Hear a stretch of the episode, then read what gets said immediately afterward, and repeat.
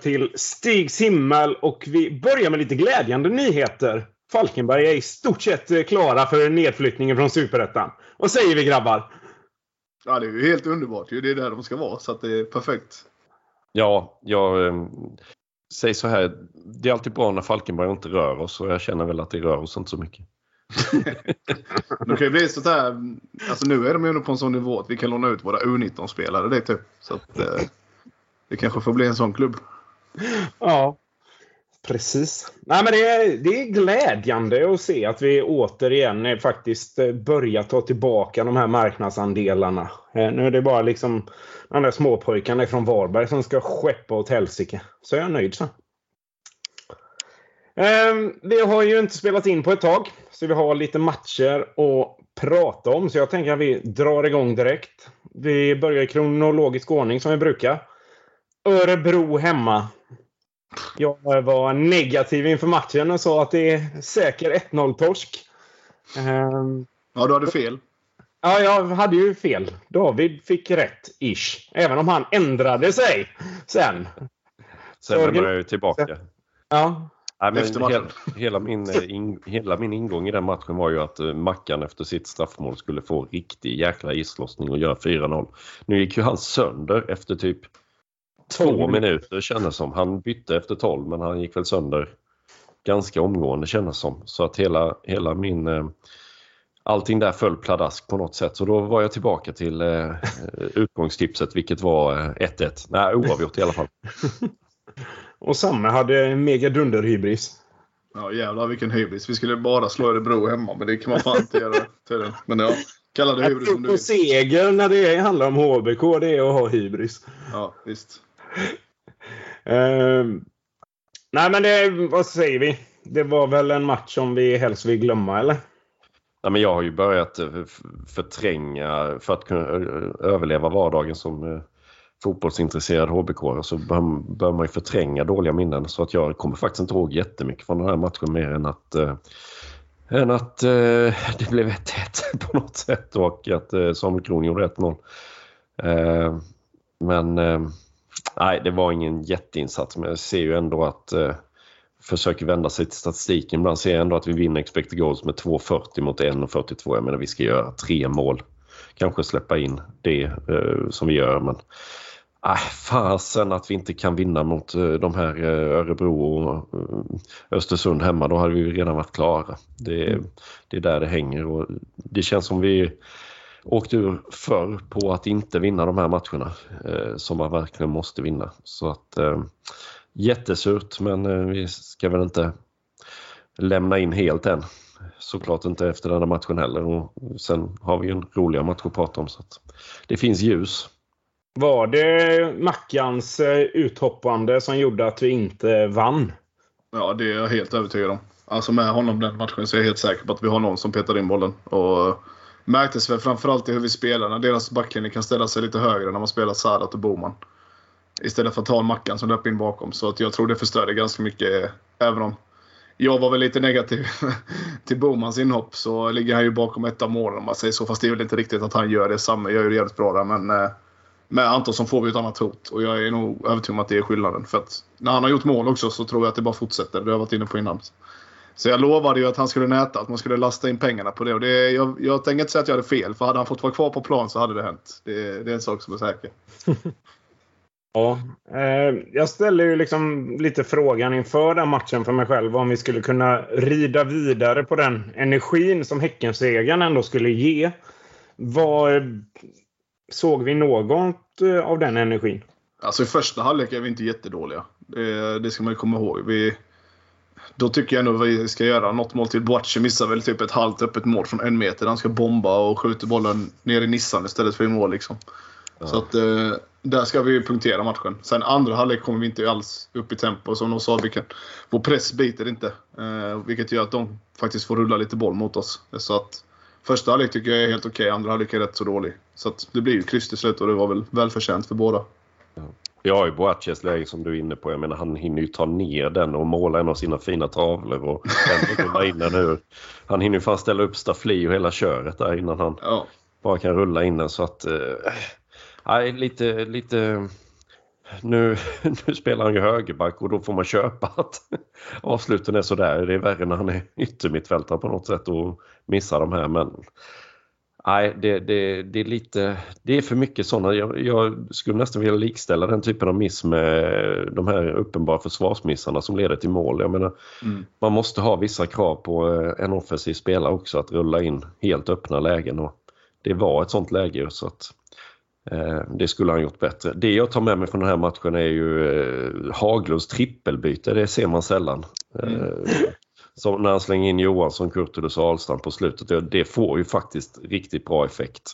Mm. Vi är mycket piggare mot slutet och mot ett ganska tröttkört Örebro som hade 11 spelare borta. Eh, sen tycker jag de ställer upp en helt okej 11 ändå. Eh, men de har ju inte så mycket på bänken att och, eh, möta upp med det. Men, nej, fasen som jag var inne på, vi måste få in den avgörande bollen i de här matcherna. Det var på håret mot Östersund borta att vi, att vi faktiskt kom iväg med tre poäng på lång övertid där och sen har vi inte lyckats mot de här avsågade gängen och det är skit.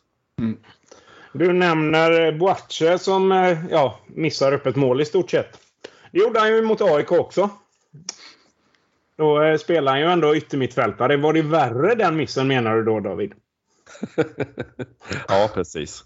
Det är Nej, men mycket, vad fan. det är mycket bättre när Det läget tar han ju ändå till själv och gör det ganska starkt mot 81 och sen att han hamnar i obalans och ska skjuta med vänster. Men det är ju ett mycket svårare läge ändå.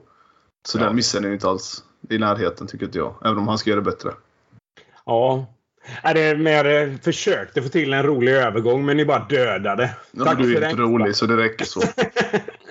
ja. Eh, nej men eh, AIK-matchen. Vad säger vi? Nej, den är ju, det är ju en av årets bästa insatser taktiskt tycker jag i alla fall. För att så som Haglund ställer upp och som vi får träff på dem så uh, tycker jag vi vinner rätt välförtjänt till slut. Det är, sen att vi det är ingen, det är ingen match med svinmycket målchanser. Det har ju lite med båda lagen att göra för att AIK är inte något jättebra offensivt lag heller. Men uh, vi stänger ju dem helt och hållet. Och tycker framförallt vi stänger dem centralt så att de hela tiden måste hitta ut mot kanter. kant. Deras anfall måste till och med också löpa ut mot kanter vilket gör att de inte får något tryck riktigt.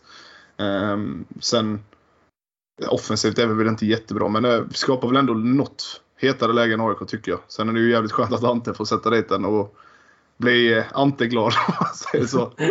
Så att, nej men taktiskt jävligt bra. Smart av Haglund där att sätta. Nu vet jag inte om det var därför eftersom att han spelade höger mitt mot Djurgården igår också. Men Watcher spelade ju höger mitt. Vilket gjorde att vi kunde stänga den kanten med 81. Vänster. Ja, det blir ju deras vänster. Man spelar ju till höger för oss. Eh, Boache spelar till höger för oss Fjärås. Mot Djurgården ja, men inte mot AIK. Jo då. Jo. Gjorde han det? Ja, han stängde 81. Mm. Så nu slutar du skaka på huvudet när jag drar min utläggning. jo, Boache spelade till höger med Edvin, vilket gjorde att vi kunde stänga 81 framförallt Ja. på den kanten. Eh, sen hade de ju Det är Stefanelli. bästa ytterback. Alltså, Ja, både offensivt och defensivt. Ja. Så att eh, där fick vi mycket, mycket bra träff om man säger så. Men eh, sen så tror jag också det har lite att göra med att Kron och Boache spelar på kanterna med rätt fot utåt. Gör att vi kan hitta lite mer inläggsspel när vi har Boman och Salat. Eftersom att vi inte har något djupledshot. Så tror jag att det är därför lite. Att man väljer att prioritera inläggsspelet. Men eh, får jäkligt bra träff och vi försvarar oss grymt bra. Även om AIK får typ fem halvlekar på sig att göra mål så gör de ju inte det med tilläggstiden. Så det var jävligt skönt. Ja, du nämner tilläggstiden. Jag, jag kollade om matchen. Jag klockade faktiskt eh, tilläggstiden för att se om det skulle vara rätt med de här extra minuterna. Eh, med byten och så, så låg vi på 1.10. Han blåste av efter 1.25 extra på tilläggstiden. Ja. Så att, eh, den är väl okej, men jag ställer frågan vad fan han hittar sex minuter. Ja, det konstiga är väl det, var han hittar de sex minuterna. Det är det jag menar också. Alltså det okej att vi, bytena blir en minut extra i alla fall. Eh, Ja. Det är ju en sak, det köper man. Men att han hittar sex minuter, det är ju helt sjukt egentligen. Mm. Ja, så är det. Malcolm låg väl lite i andra halvlek där efter ihopkocken när han gjorde den här superräddningen. Men mycket mer så var det väl inte. Men eh, nej, det, men man är ju inte förvånad. Det är man inte. Nej, men vi red ut stormen. Eh, och egentligen mina anteckningar för den matchen, det är liksom bara Ante, Ante, Ante. Alltså han är en bäst. Eh, Jag tycker ändå inte han är vår bästa spelare. Nej, det tycker inte jag heller. Jag Nej, men så här, Sadat- inte bara för målet. Utan jag tycker att hela det lugnet han visar upp i denna matchen. Och liksom att han älskar de här matcherna. Han verkligen Ja, älskar att spela på hösten när det gäller någonting. Han gillar att liksom stå där och gnabbas med frustrerade topplag som tror att de kan komma till Örjan och bara köra över oss. Ja, nu var han ju med i landslagssnacket precis innan matchen också där så att det kanske tände till lite i, i honom. Nu har han väl ett par landskamper men ingen, ingen eh, på riktigt eller vad man ska kalla det. Men, eh, Ja. Nej, han var jättebra. Buffon var jättebra. Malcolm var jättebra. Eh, det var ju bra. Det var svårt att hitta någon som föll ur ramen. Eh, men den insatsen som Karim eh, stod för Frågan är om inte det är den bästa individuella insatsen i, i år för oss. Det, jag vet inte riktigt var han fick det därifrån. Det, han var enorm och då är ändå Milos, eh, Milosevic och Papagiannopoulos oh, gick ganska bra. Sotte. Eh, Sotte. de är ju inte de sämsta mittbackarna i, i eh, mittbacksparet i Allsvenskan. Så att, eh, oerhört starkt jobbat och jag tycker också en, en annan eh, intressant taktisk detalj är ju att vi, vi, vi sätter pressen bättre mot, ett, eh, mot en fyrabackslinje. Vi har haft Mm. lite tuffare när det är tre eller fem, det är ju samma, samma bara beroende på vad man kallar det. Men eh, då har vi lite tuffare att få träff på, på pressen. Men när vi träffas som vi gör idag mot ett 4-4-2 så är vi oerhört bökiga att ha att göra med. Och, eh, tycker också i slutet av matchen att Haglund gör ett par eh, taktiska riktigt bra grejer när han sätter in friskt blod och springer på, de vill ju ha Sebastian Larssons fot fri där. Eh, och de sätter in både Totta och Alexander Johansson och springa på, på eh, och ställa sig på hans fot. Så att det var också smart med pigga ben där. Så att eh, Haglund tycker jag gjorde en kanonmatch också. Några sluttankar om AIK-matchen, eh, Samme? Nej, men det är väl skönt att krossa lite gulddrömmar. Det får vi fortsätta med nu under hösten. Nej, men det är ett intressant detalj det med pressspelet. Jag tror det har att göra med att i en treback så kan vi inte flytta fram eh, en av innermittfältarna. Eller när vi möter, jag tror kanske framförallt har att göra med ett femmanna mittfält hos motståndarna. Eller ett fyrmanna. I ett fyrmanna mittfält kan vi flytta fram Allansson lite högre i press. Och jag tror det är det som gör att det biter. Samtidigt som att deras ytterbackar blir inte lika höga som en 3-5-2 när man spelar med wingback. Så då kan vi flytta fram yttermittfälten ett snäpp med. Så jag tror att det är lite mer man-man i det läget i vårt presspel och det är nog det som gör att det biter. Jämför man med Örebro så får vi ju nästan pressa i 3-4-3 på något sätt när Mm.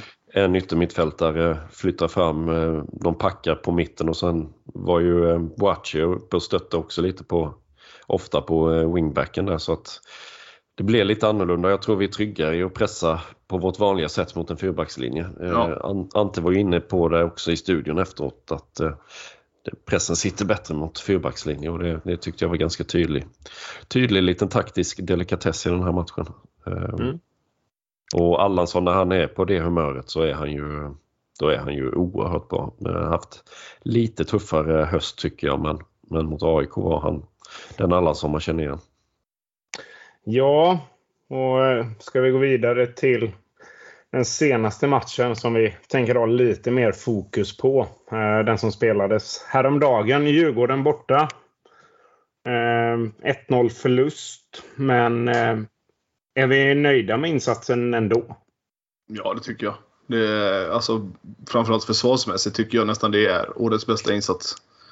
Eftersom att förutom målet så tycker jag inte Djurgården skapar någonting i stort sett. Det är fram till deras 1-0 tycker jag nästan det är vi som har de två hetaste chanserna i matchen. På något sätt. Och eh, det är ju inte alls orättvist om vi har 1-0 i paus. För första halvlek tycker jag är väldigt jämnt spelmässigt. Men att vi har något hetare läge.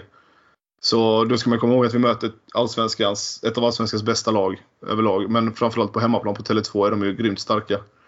Eh, så att det är ju en klockren insats. Och det Haglund säger stämmer ju faktiskt på ett sätt att vi försvarsmässigt så är vi en guldkandidat om man säger så. Men vi har det tyvärr inte offensiven för det.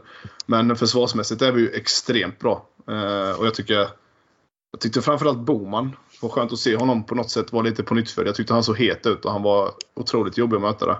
Eh, så då, man fick svar lite på de här spelarna vi har varit lite tveksamma till också. Att det, det finns något mer. Men Boman kanske kommer här nu på slutet. Får, får vi se. tyvärr tror jag väl att, eller tyvärr, jag tror väl att Antonsson tar över eh, nästa match igen och att det är Antonsson Sadat. Men om Boman kan fortsätta vara lite, lite pigg så som han såg ut i, igår så kanske han kan göra lite mål på inhopp också. Men eh, jag tycker det är en bra insats. Jag, det går inte att säga mer. Sen har vi ju som vanligt domarkåren emot oss. Det börjar bli tröttsamt nu, men så är det ju. Jag har en liten konspirationsteori där. Alltså, Ja, vilken chock. eh, eller rättare sagt så här. Jag ställer frågan till er. Tror ni att genom alla de domslut som har gått emot oss denna säsongen, alltså de stora domsluten, har det gett oss kanske en extra vinnarskalle eller någonting sånt? Nej. Nej, det tror jag inte. Det har gett oss mindre poäng på något sätt. Sen man, ju, man får ju alltid räkna med en viss... Alltså, vi kan ju inte rada upp alla de här och säga att nu, vi har haft alla de här emot oss. Det, normalsäsong har du ju också ett gäng. Det, är lite så här... Som känner, jag kan inte komma på en enda situation som har varit tveksam i vår favör. Som har varit... Ja, Avgörande på det, något det är väl Andreas Bengtssons tackling mot AIK. Ja, fast... Ja. Ja. Nej, det beror på hur domaren dömer i det läget. Jag, jag kan förstå att man ropar efter straff och att man, man eh, kan ha en argumentation i det. Men man har ju sett målvakter gå ut och boxa folk i huvudet. Men eftersom de har avslutat situationen redan så blir det inget. Nej. Det, jag, jag har aldrig sett det blåsas på den typen av situation. Det skulle väl fan till att det skulle blåsas i AIKs favör förvisso i en sån situation då mot oss. Men, men eh, jag förstår att man kan tycka det är straff. Eh, Absolut. Men det döms aldrig straff det. Nej. Nej, men så här, det jag menar är att det kanske är så att genom alla de här domsluten, hade de varit lite färre så kanske vi bara hade varit, ja men det är så, varit lite sur. Nu är det så jäkla, jäkla många att vi kanske fokar än mer på vår egna prestation. Det är det jag ställer frågan om det kanske ger oss någonting positivt, även om det låter skevt. Nej, jag tror inte det. Men eh, det är ju snarare så att man får lägga mer energi på att inte bli knäckt av det och att inte fokusera på det Mm. eh, i onödan. Sådär. Jag menar nu mot Djurgården, det är Ja, det är, väl, det är ju offside på målet. Eh, Det kan vi komma att diskutera senare. Men Djurgården hemma så var det väl Antonsson som blev fälld i en av solklaraste frisparkarna man har sett. När han spelar förbi bollen och blir uppkrokad och det blåses ingenting. Så att, det är inte sagt att vi, att vi ska vinna båda de matcherna för det, men vi, någon poäng hade vi ju haft mer såklart. Så Det finns att, ju en eh, eh, straffsituation i matchen igår också som jag kanske inte riktigt tycker är straff. Men det är fortfarande en situation där vi återigen inte får det när Ante blir nerriven. När vi slår, tyvärr tror jag att han blir nerriven för tidigt och det är därför domaren inte tar det. För att han rivs liksom ner typ när bollen går. Hinner bollen gå mot honom och blir nerriven där, då tror jag det är en annan situation. ja, men då får han ju blåsa om frisparken i så fall. Ja, precis. Att, och säga till, ni får inte... För det gör man ju på hörna. Där blåser man ju alltid... Mm. Är, är det anfallaren som gör något fel så blåser man ju av efter det har gått. Och är det försvararen som gör något fel så blåser man av innan för att det inte ska bli, bli eh, straff. Liksom. Och det kunde man ju agerat på det här sättet där, där också. Men det är inte lätt för domarna att, att se i, i en sån gröt såklart heller. Men det, Sen ställer jag ju frågan, alltså Ante är inte Guds bästa barn heller i de situationerna. Alltså, de river i varandra båda två. Ante är rutinerad och har tyngden bakåt. Jag vet inte hur mycket nerrivning av eh, Eriksson det är. Nej, det är ju ingen solklar straff. Absolut Nej. inte. Det är ju inte på Antonsson-nivå eh, mot Djurgården hemma såklart. Men eh, sen tycker jag, när vi ändå är inne på Ante och hans shithousery så, så är det ju intressant att se Forza HBK till exempel som spyr över Sebastian Larsson och hur han agerar på en fotbollsplan. då, då, då, eh, då kanske man ska granska sina egna också. Vad Mm. de håller på med.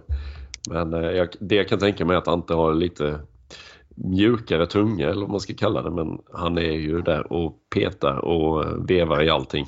Så är det ju bara. Men det är väl lite mer det att han inte liksom springer fram upp i ansiktet mot domaren och vevar med armarna. Utan det är lite mer eh, lite, lite smart, smått hela tiden. Lite gnabbande liksom. Men eh, det är inte på samma sätt som Seb Larsson tycker jag. Nej, så är det. Han, det, det är en mycket mer aggressiv framtoning. Mm. Det- Korten haglar det är ju mot AIK. Gud vad vi hoppar mellan matcherna. Ja. är det i eh, Vänta in tre matcher-podden. Japp. Eh, Samme, ta ut våra tre bästa spelare mot Djurgården. Alltså den, den är svår tycker jag, men... Eh, alltså, någonstans så tycker Ante Baffo båda två. Alltså vi försvarar oss så jävla bra. Jag tycker båda de två är hur bra som helst. Andreas Bengtsson. Eh, alltså i backlinjen tycker jag det är Edvin som är lite svagare än resten. Men eh, jag måste säga va, backlinjen. Alltså Mm. de tre framförallt, tycker jag. David, vem är det som inte kommer upp i nivå eh, hos eh, oss? Nej, jag, jag vet inte. Det är, det är svårt att säga. Eh, Jag får passa på den frågan. Jag såg faktiskt inte exakt alla minuter heller för vi hade kalas här så jag fick liksom ställa mig i köket, laga mat och ha plattan på så ingen såg det. Tog lite extra tid att laga mat då. Det var dubbelplatta, det var alla plattor igång på spisen Ja. och, så, och en jämte. Så eh, det var ju en liten utmaning med det men eh, nej. Vi, eh, jag får dra till med att vi vinner som ett lag, vi förlorar som ett lag. Ja. Ja, ja. ja. Eh, nej men så här, det är ju en av säsongens bästa defensiva insatser. Det har vi kommit fram till och håller med alla tre här. Eh, skulle vi kunna kräva mer offensivt av oss? Även om det är Djurgården borta. Alltså i andra halvlek kanske, men då är det också att de får lite träff på oss eh, och får lite längre anfall vilket gör att vi inte riktigt kan hålla i den. Och där saknar vi en sån som Antonsson återigen, lite djupledshot. De kan stå väldigt högt med sin backlinje mot oss vilket gör att de får tryck. Eh, Men det är väl lite det. Samtidigt så är Djurgården extremt bra. Ja, det är ju inte för inte att eh, Magnus Eriksson är med i landslaget heller. Nej. För att han bestämmer rätt så friskt där ute vad som ska hända i den här matchen. Ja. Känns det som i andra halvlek framförallt. Och, eh, Radetinac är väldigt formstark och nej, det är ett väldigt bra lag. Så att, eh, det måste man hela tiden också tänka på. Ja, vi, vi kanske ska skapa mer och hit och dit men vi möter ju ett av de lagen som är tydligaste guldkandidaten. Nu går det ju bra för Malmö också såklart men det känns som det är Malmö och Djurgården som sticker ut i den här serien lite mer än de andra även om de inte har eh, dratt iväg riktigt poängmässigt. Men Inte enligt Baffo.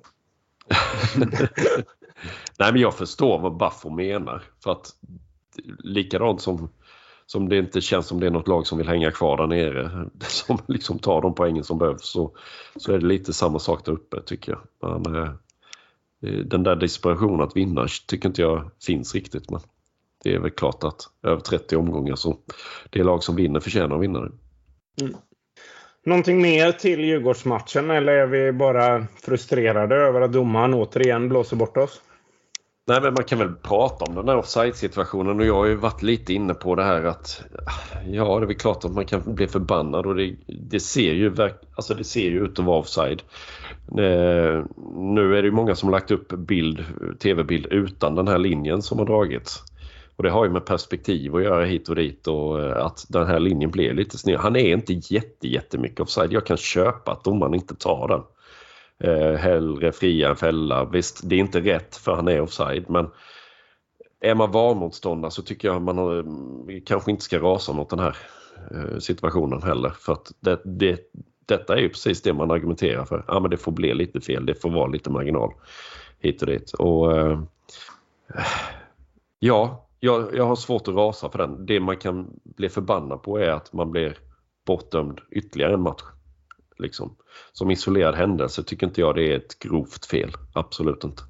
Nej, det, det är inte ett grovt fel. Det enda man kan tycka är, gör att det blir lite värre är väl att det är linjedomarens sida som eh, offside-stående spelare är på. Det är svårare när, när man är på inläggsspelarens sida om man säger så och ser den. Men han, han har ju faktiskt hela linjen framför sig hela tiden och kan bara fo, eh, fokusera på den.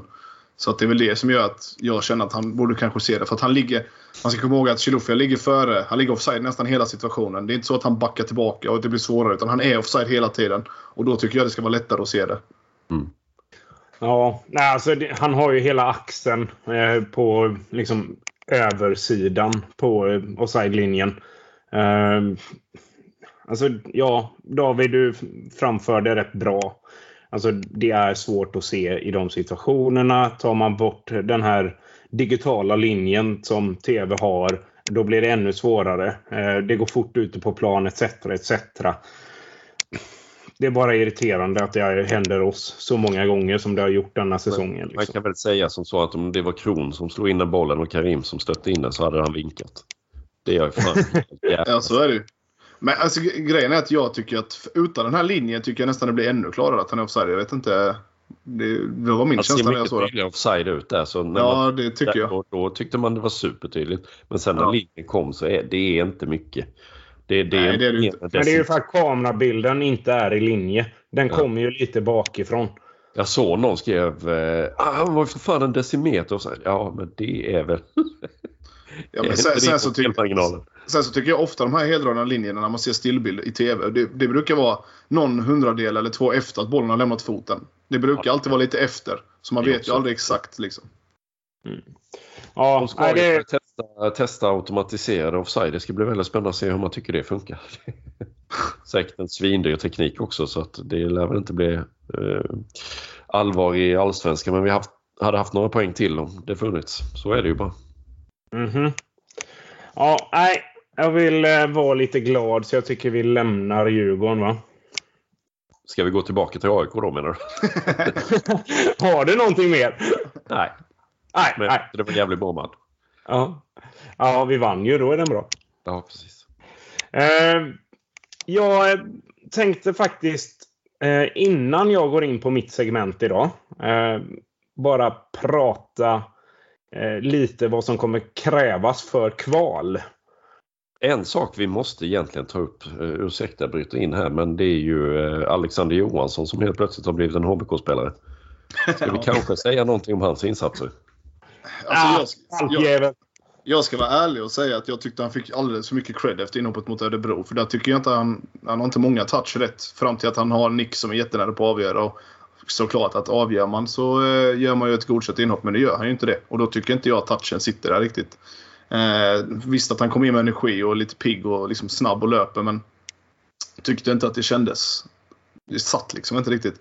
Men mot AIK tycker jag att inhoppet är ganska bra. Då tycker jag att han är lite bättre med bollen och han kommer till någon farlighet och det ser lite tydligare ut. Så att eh, han blir bättre och bättre tycker jag ändå. Djurgården var det väl också helt okej inhopp. Eh, så att det gick från att vara... Det är därför jag menat innan att han inte har fått chanser. Det är för att varenda gång jag har sett honom tycker jag han har sett valpig och för dålig ut helt enkelt. Men nu tycker jag ändå han har börjat varva upp lite och det är bara att hoppas att det fortsätter. Ja, jag håller helt med dig. Jag tycker också att eh, lovorden mot Örebro blev alldeles för... Jag vet inte riktigt vad, vad de byggde på. Att, eh, att han var ny och att han hade energi och att han sprang mycket. Det gjorde han ju. Men precis som du var inne på, han hade någon, någon när han försökte liksom sticka in i, i straffområdet men den rann ut och sen hade han väl ett pressläge där han var väldigt nära att noppa åt sig bollen. Eller var det mot AIK?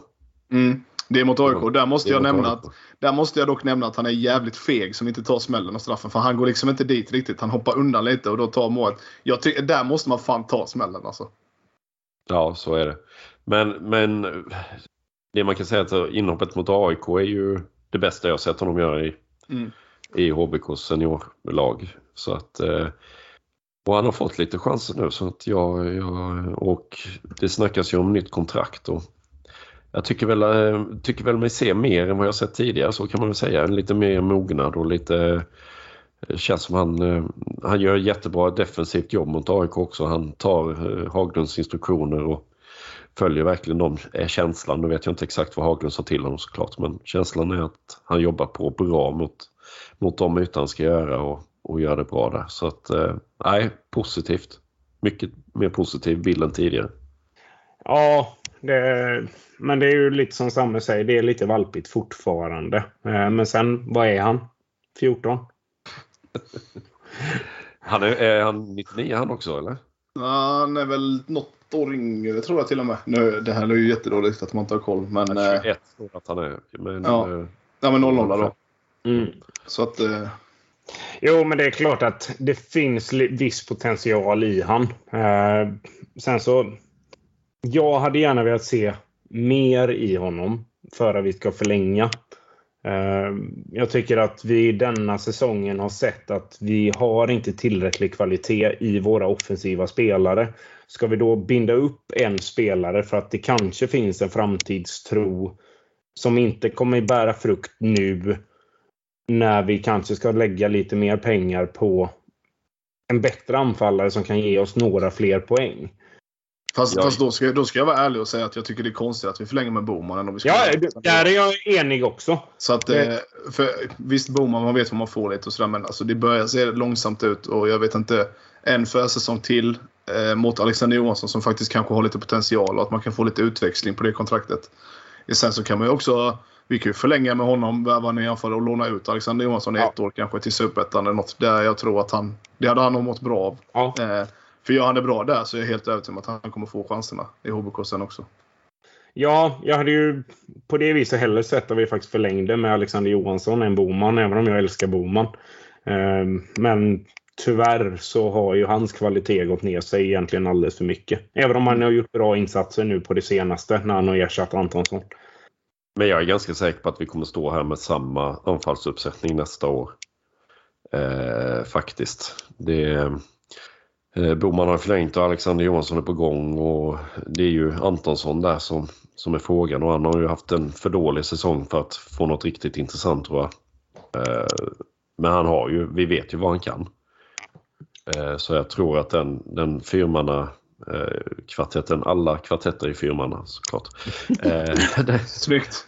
den kvartetten kan vi nog få ut mer av och Sadat har ju utvecklats enormt mycket.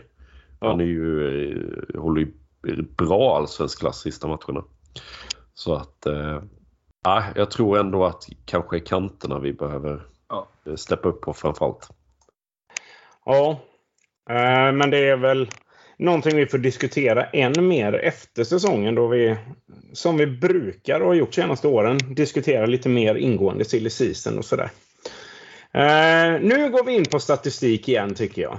Om du inte du ska avbryta en gång till David. Nej. Nej, nej, bra. Det är, jag som gör det snart nu. Det blir tråkigt, men kör då. Eh, nej, men vi har ju det har ju snackats egentligen från alla håll det här med vad som kommer krävas för kvalplats och säkrat kontrakt och sådär i år. Eh, och att det är en exceptionell säsong.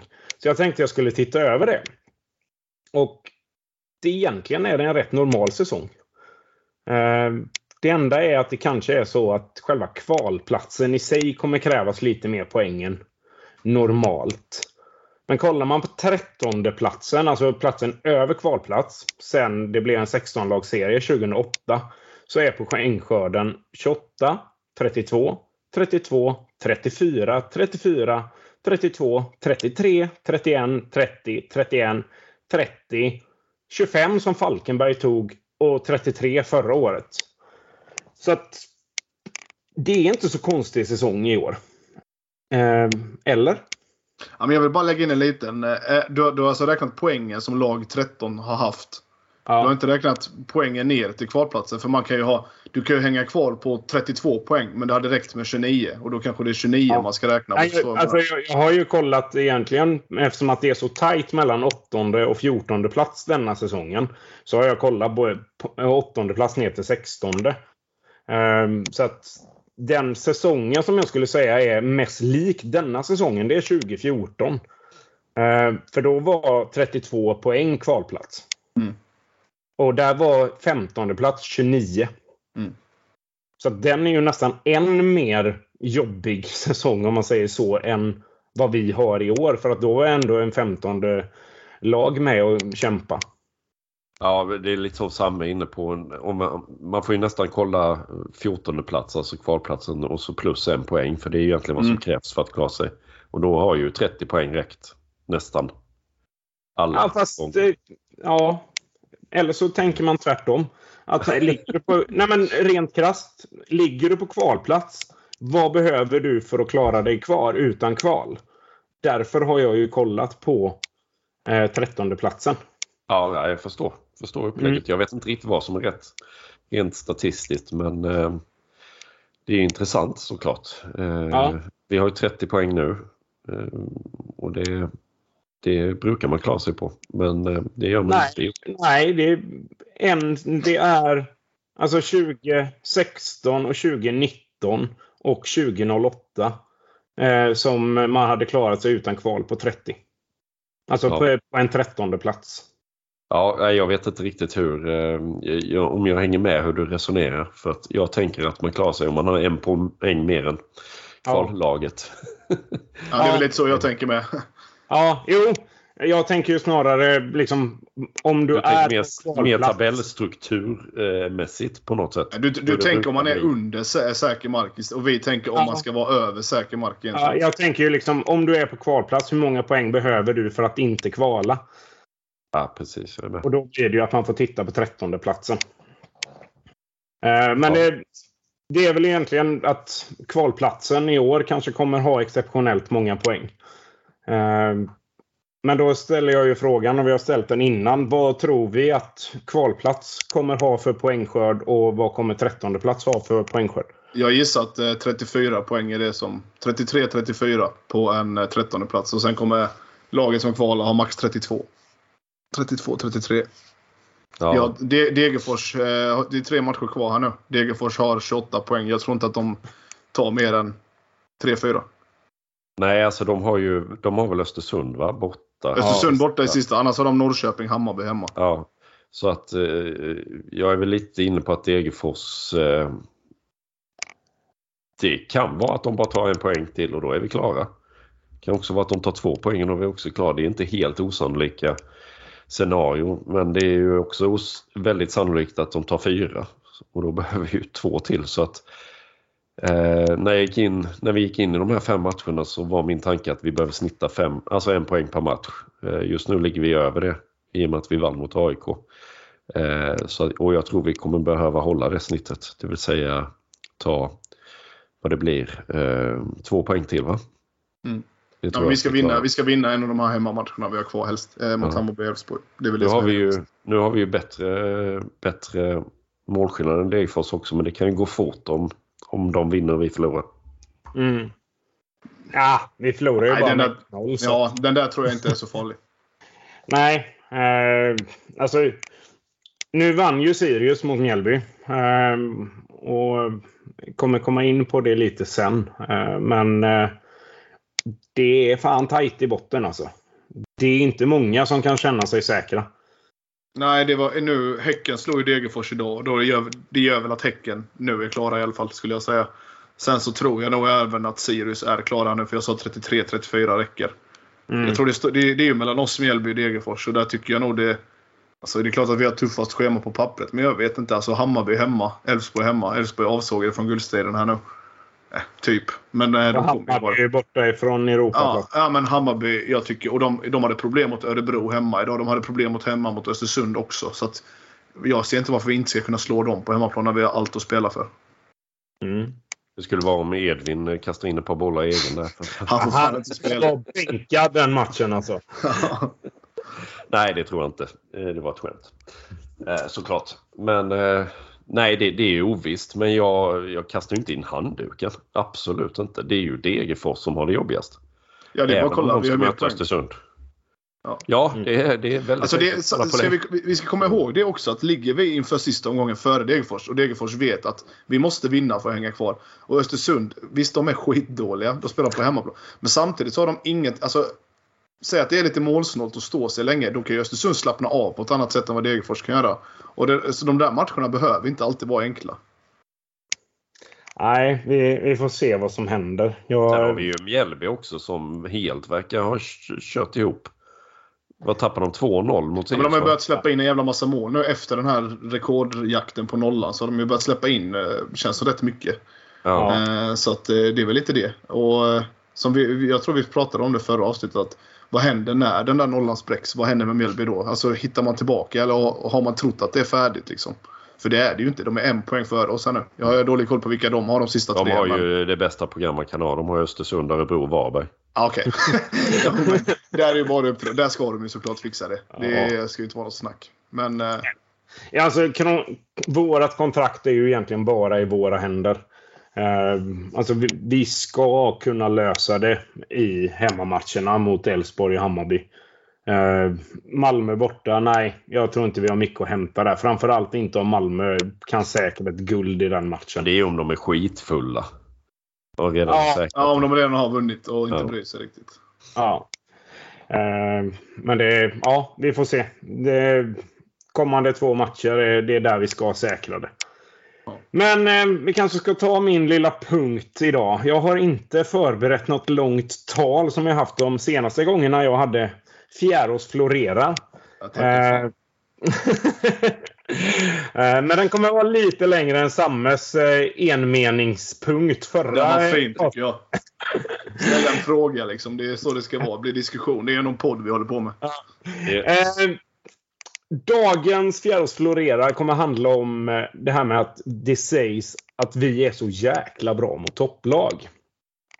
Eh, jag har räknat lite på det och gjort en inbördes tabell. Eh, både när vi är del av topp 8 och även när vi är del av botten 8. Vi är inte så jävla bra. Nej men äh, ärligt, vi har en snittpoäng på 1,18 mot eh, topp 7-lagen. Eh, vi har alltså knoppat ihop 13 poäng på 11 matcher. Eh, kollar vi mot våra bottenkollegor så har vi 1,063 i poängsnitt. Vi har 17 poäng på 16 matcher. Så jag vet inte om vi är så jäkla bra mot topplagen på det viset. Eh, Djurgården har 24 poäng i inbördestabellen. AIK har 23. Det som är exceptionellt är att vi inte ligger sist i den tabellen utan det gör Hammarby som har bara knoppat ihop 12 poäng. Alltså det är väl mer vårt tabelläge som gör det att vi är bra mot topplagen. För att ett bottenlag som kämpar för överlevnad ska ju inte ens ha en poäng i poängsnitt mot topp 8 eller topp 7 eller vad man ska säga egentligen. Så det är väl snarare att vi tar ju mer av våra poäng mot topplagen än bottenlagen. Det ju, säger ju din statistik också. Ja. Och det är väl där man menar att vi är bra mot topp... Det är väl inte så att vi menar att vi, att vi är ett topplag i de matcherna. Eller att vi, men det är ju det, är det som är lite som sticker ut. Det är att vi är ett bottenlag som tar fler poäng mot topplag än mot bottenkonkurrenter. Det är väl det som är själva grejen. Ja, alltså vi har en vinst på hemmaplan. Eh, och sju oavgjorda mot eh, bottenkonkurrenterna. Det är väldigt, väldigt dåligt. Ja, det är där. Alltså det var inne på det tidigt i den här podden att eh, det är där som problemet ligger på något sätt. Eh, då har vi även vunnit två matcher mot Häcken till exempel. Men det är ju inget. De skulle man nästan vilja ha i, i toppenlag bara för, för att på något sätt. Men de, de tar ju inte tillräckligt många poäng för att vara det. Men, eh, nej, men det är väl som Samme säger att eh, det häpnadsväckande är väl att vi tar så mycket poäng trots att vi är ett bottenlag mot de här. De andra är ju faktiskt topplag. Ja, alltså mycket poäng. Är en poäng i snitt eh, per match, är det så mycket poäng? Jag, jag tycker det när man är en av de fyra sämsta lagen i serien. Då tycker jag att mer än, lite mer än en poäng i snitt mot topp 7 faktiskt är bra. Det är ju inte Jag där du ska plocka poängen. Tar du en poäng i snitt i, i serien så normalt sett klarar du dig. Så att har man då gjort det mot topp 8 så är det väl, det känns väl vast. Och nu ligger vi på 1,18. Det är ju rätt så mycket mer. Och sen så ska Ja. vi komma ihåg att vi inte har, vi har tre matcher kvar mot topplaget. Så vi har mött klart alla i botten. Vi kan ju fortfarande bara öka det snittet om man säger... Eller, ja, du förstår vad jag menar. Nej men alltså vi, vi, Ja. vi har det fortfarande så att vi kan vinna fler matcher mot topplag. Det kan vi inte göra mot bottenlagen. Ja, men alltså skulle vi gå ifrån med sju poäng på sista tre, då, då kan jag väl köpa att vi är bra mot eh, topplagen. Nu så skulle jag snarare säga att nej, vi är jämna mot alla. Det spelar Fast ingen roll om det är toppen eller botten. Vi är Ja. bara jämna. Men är det så så ska man väl ligga runt åttonde platsen i serien. Om man är jämnbra mot toppen och botten typ. Då är det, alltså, vi, vi tar ju tillräckligt med poäng mot topplagen för att vara ett mittenlag. Det är att vi inte gör det mot bottenlagen som gör att vi ligger där vi gör ju. Mm. Ja, jag, jag försökte slå hål på den här eh, myten om att vi är bra mot topplag, men ni köper det inte alltså? Ja, men alltså, jag, jag, tror vi, jag, jag har aldrig tyckt, menat att vi är helt fantastiska och alltid slår topplagen. Det är inte så att vi är bra mot topplagen, men det är väl mer att vårt spel passar lite att stå... Jag menar att kontra och kanske inte äga lika mycket boll och sen ta vara på chanserna mot de här lagen där vi inte behöver föra matcherna. Och det är det, det, det, är det, så, det är så matchbilden blir mot topplag snarare än bottenlagen. Ju. Ja, det, man, jag- fakt- det man ska ha med sig lite är att spel, spelmässigt och spelmaterialmässigt och normalt sett så är ju Häcken, som vi har tagit sex av de poängen mot, ett topplag egentligen. Så när man snackar topplag på något sätt inkluderar man kanske dem även om det i det här fallet inte ska inkluderas. Men det är väl häpnadsväckande att man som bottenlaget har, har ett snittpoäng på 1,18 mot topplagen och bara drygt 1,0 mot eh, bottenlagen. Det tycker jag är... Det, det, betyder att man hellre möter toppenlag och det tror jag inte så många, många bottenlag brukar säga. Ja. Nej, men vad är det man säger? Alltså två poäng i snitt per match i serien räcker oftast till ett SM-guld. Alltså har du en 18 mot topplag då som ett bottenlag så det är ju, då är det ganska bra. Skulle ja. jag säga. Jo, absolut. Eh, och det är väl det, det är ju framförallt mot bottenlagen som vi inte har presterat. Ehm, så jag, skulle ju, jag vill ju läsa den här statistiken som att vi är inte jättebra mot topplagen. Det är vi är dåliga mot bottenlag. Men det kanske är att se på, på det negativt. Det kanske är bättre att se det som att vi är bra mot toppenlag nu när vi, det är det enda vi har kvar att möta. Hade vi varit extremt bra mot toppenlag så hade vi inte haft den här diskussionen för då hade vi varit klara på, på de poängen bara. Men eh, i det här fallet är det ju, det är ju Örebro och Östersund hemma. Där, där hade vi kunnat vara klara. Ja. Så enkelt är det Och Sirius. Och. Mjällby. Och Varberg. Och Göteborg. Och Kalmar. Ja, fast Kalmar är ju ändå topplag i så fall. Ja, om du ska räkna in det. Enligt ja, din statistik. Och Djurgården. Och Malmö. ja, nej. nej. men eh, det är ju alltså på hemmaplan jag skulle säga som vi har fallerat i år. Vi har en förlust på hemmaplan och det är mot Kalmar. Eh, men att vi inte har vunnit så många matcher på hemmaplan som vi kanske ska kunna förvänta oss. Det är det som gör att vi ligger i tabellen där vi ligger. Ja, på något sätt tycker jag det känns bra också. För att vi vet ju att vi har stabiliteten för att vara ganska högt uppe i tabellen. Det vi inte har det är avgörande, avgörande moment att möta de här bottenlagen hemma. Eh, där vi för spelet. Det är där vi är för dåliga. Men då är, vi, då är det också ganska enkelt att veta vad vi ska bygga vidare på. Så du ser det positivt där vi är dåliga mot bottenlag? Nej, men det, är väl, det är väl snarare så att man ser en stabilitet som man inte brukar se i ett lag som slåss för överlevnad. Och kan man då hänga kvar och utveckla det och ta nästa kliv nästa säsong, då tror jag inte ens att vi är där nere och... Vi, vi kommer inte vara där nere och fightas alls, utan då är vi 7-8 kanske. Alltså mm. om, vi, om vi kan öka det här snittet. För snittet mot topplagen, det håller. Och det, där testas ju din stabilitet på ett annat sätt än vad det gör hemma mot Örebro. För då testas kanske ditt anfallsspel på ett annat sätt. Liksom, möter du topplag så är det inte du som ska föra matchen. Utan då är det försvara kompakt och sätta dina chanser. Och det är vi ganska bra på. Det är vi inte mm. bra på det är att trycka ner lag och föra spel. Och det är för att vi har för dåliga offensiva spelare tror jag. Det handlar nog faktiskt krasst om det. Vi har inga för, riktiga poängspelare.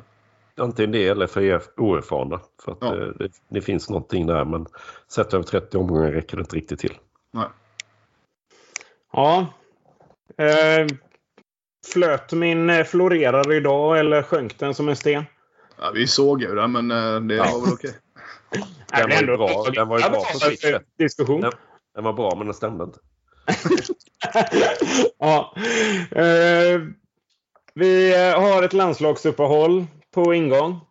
Skulle inte varit med. Ja, klockren. Ja, varför inte?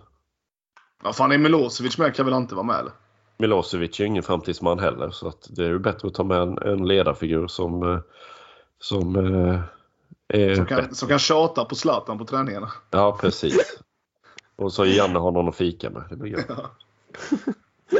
Käka kov. Janne fick ju pris nu för sin korvgärning genom livet. Stipendium för korvpojken va? Jaha. Ja. Jaha, ja precis. Jaha ja. Um, landslagsuppehåll. Sen har vi Elfsborg hemma och veckan efter har vi Hammarby hemma. Um, Samme, dina tankar om Elfsborg först? Jag tror det passar oss ganska bra att möta dem hemma eh, mitten av november. Faktiskt. Jag, jag tror att de, är lite, de känner nog själva att de är nog borta från guldstriden. De har ju självklart Europaplatserna kvar att slåss om. Men jag tror att motivationen har sjunkit där lite och jag tycker Alltså 0-0 hemma mot Varberg imponerar ju inte. Inte om du ska vinna ett SM-guld och det är sista fyra omgångarna. Då måste man faktiskt vinna den matchen. Och vad jag, jag har inte sett eller hört något, eller jag har läst lite att Varberg kunde lika gärna också vunnit den matchen. Så det verkar ju inte ha varit en jätteprestation. Och Elfsborg på naturgräs är ett helt annat lag än på konstgräs. Och det passar ju oss att möta de här lagen. Så eh, nej. Det, alltså, förlorar vi så är det ju ändå förväntat på något sätt. Så man är inte asarg. Men jag tror vi har bra chanser faktiskt. David? Ja, nej, men det har vi väl varit inne på innan. Nu är mission att eh, ta ett par, par tre poäng till. Eh, hur det ser ut skiter jag i, bara det görs på något sätt. Och jag tror vi har goda chanser i, alla matcher. Inte Malmö om de går för guld, men de andra ser Mm. jag inte alls som otroligt att vi tar eh, mellan två till sex poäng i. Ja. Jag, jag tror på ett kryss mot eh, Elfsborg ändå. Jag tror att de ändå har en grundkvalitet som gör att de inte förlorar. Och vi har inte tillräckligt bra offensiv. Bayern hemma, David. Ja, alltså jag tror det är ett lag som passar oss ganska bra. Eh, Går du på repeat här eller? Nej, men jag, så, för jag tror att de har kanske inte riktigt den eh, jämnheten på något sätt och det brukar vi kunna utnyttja. Så att jag är, jag är ganska positiv till den också men som sagt jag ser det mer som en helhet de här tre matcherna. Inte en match i taget utan jag ser det som en helhet. Och där det bara gäller att ta poäng. Ja, men Hammarby är det laget som eh, på förhand är det ju där vi har störst chans till trea tycker jag. Även om jag är positiv inför Elfsborg så. Alltså Hammarby måste vi slå. Det, så är det bara. Alltså, Och de, De har- kan ju inte prestera mot topplagen. Så att eh, där är ju vi. Ja, men alltså, de har ju svajat här nu på slutet också, tycker jag. Mm. Alltså, även om de har slått Östersund och Örebro hemma så har det suttit väldigt långt inne. Eh, så att, nej, jag tror inte att de... De verkar läcka en del bakåt. Eh, och det tror jag kan passa oss eftersom att vi inte är jättebra på att skapa chanser. Så kanske vi kan skapa lite på att de inte spelar så bra försvarsspel. Eh, sen så vet vi att vi är bra på att stänga. Så att jag tror det är en match som passar oss. Mm. Ja, jag ser ju större vinstchanser mot Bayern än mot Elfsborg. Ehm, och om Hammarby inte har någonting att spela för i den matchen mer än sin egna ära liksom. eh, så tror jag absolut att vi säkrar vårt kontrakt i den matchen. Mm. Vi, vi kommer ha minst tre poäng ner till Degerfors eh, efter den matchen tror jag. Och då är kontraktet säkrat. För Ja, det är det som är Ja. viktigt. de tar inte in den målskillnaden. Nej. Ehm, så att eh, vi kommer säkra kontraktet mot Hammarby. Eller säger ni emot? Nej, jag tror på det. Jag, tror, jag, jag tror vi tar fyra pinnar här nu. Och då tycker jag att vi avslutar avsnittet på det viset att vi säkrar kontraktet hemma mot Hammarby. Så då hoppas vi att vi ser alla er på Örjan.